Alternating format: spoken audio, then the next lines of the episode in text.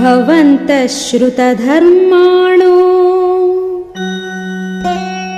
लोकचारित्रवेदिनः समादिशं तु नियमम्।